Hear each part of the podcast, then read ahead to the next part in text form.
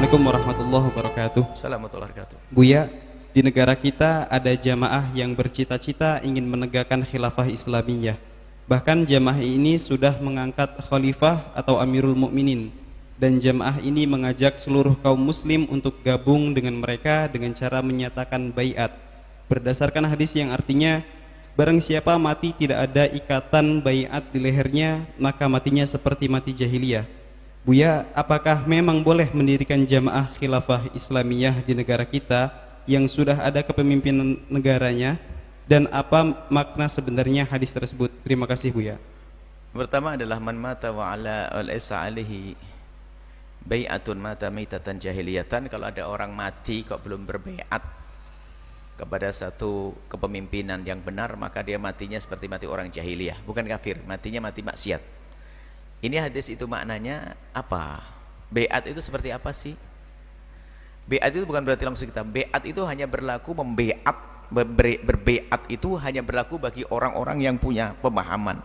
Orang awam mas jatuhnya orang awam mengikut. Yang berbeat ahli hal wal. Jadi orang yang punya posisi penting yang bisa menaikkan dan menurunkan itulah yang membeat. Yang akan mengangkat seseorang yang akan memilih artinya kalau anda memang orang yang punya kompetensi punya keahlian anda sebagai orang yang bisa menentukan mengangkat dan menurunkan seseorang lah kalau sudah ada orang benar tidak anda angkat anda dosa. Seperti itu. Jadi makna bayat itu seperti itu. Bayat itu bukan maknanya luas sekali. Termasuk kalau ada seorang pemimpin kita ngikut ini sudah masuk bayatnya. Nggak harus kita salaman dengan pak kepala bapak imam Enggak. Jadi cukup kita mengakui, mengikuti taat. Bahasa lain, bayatnya bagi orang awam adalah taat. Kecuali dalam maksiat kepada Allah. Bayatnya orang awam adalah patuh kepada pemimpin selagi bukan untuk maksiat. Kalau maksiat enggak boleh patuh, la ta'ata li makhlukin fi maksiatul khaliq. Enggak boleh patuh kepada makhluk dalam bermaksiat kepada Allah. Biarpun yang nyuruh presiden enggak boleh. Tapi semua peraturan yang dibuat oleh imam kita, pemimpin kita, selagi itu ada maslahat, maka wajib kita patuh. Maka kalau lampu merah Anda wajib berhenti. Kalau Anda berjalan nabrak orang dosa. Itu kan lawa eh peraturan yang dibuat. Nggak ada di Quran hadis begitu tulis saja lampu merah nggak ada.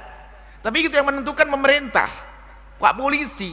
Tapi kalau sudah lampu hijau Anda jalan nabrak orang nggak dosa, biarpun urusan sama polisi.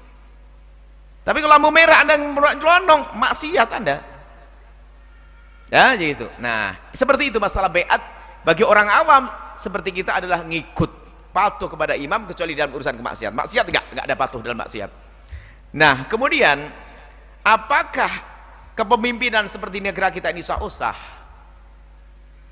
Pemimpin di negara kita adalah sah sebagai seorang pemimpin. Sehingga enggak boleh kita keluar dari pemimpin tersebut.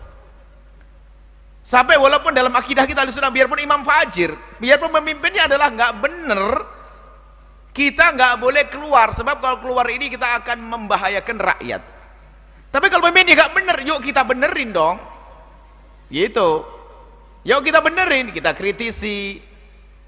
Kalau ngajak keluar nggak dibenarkan, apalagi membuat satu sistem pemerintahan baru apa tadi namanya hilau di dalam nggak boleh.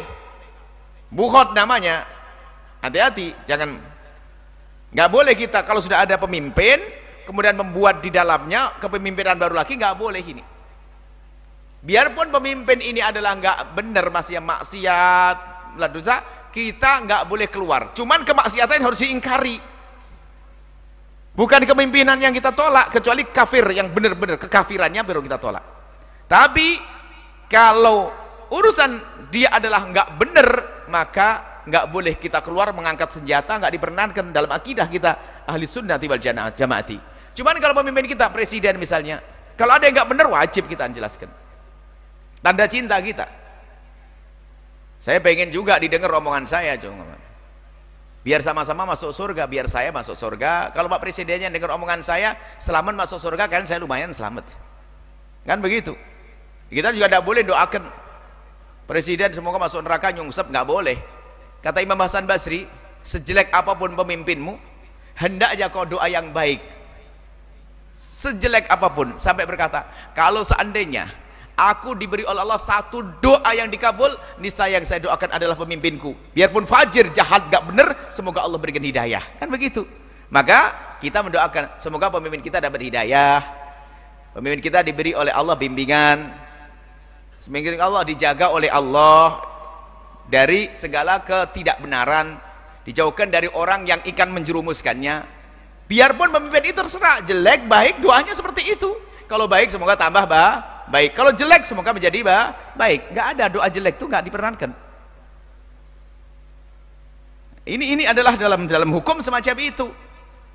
Tapi kami ingatkan juga wahai para pemimpin dimulai dari Pak RT sampai Pak Presiden anda punya tanggung jawab di hadapan Allah kulukum ra'in wa kulukum mas'ulun ar kalau seandainya orang jadi presiden tahu begitu besar amanatnya nggak ada yang mau jadi presiden tidak ada kemaksiatan di pojok kota Jakarta kecuali akan ditumpangkan kepada dia kalau dia tidak kalau seandainya kalau dia punya kemampuan.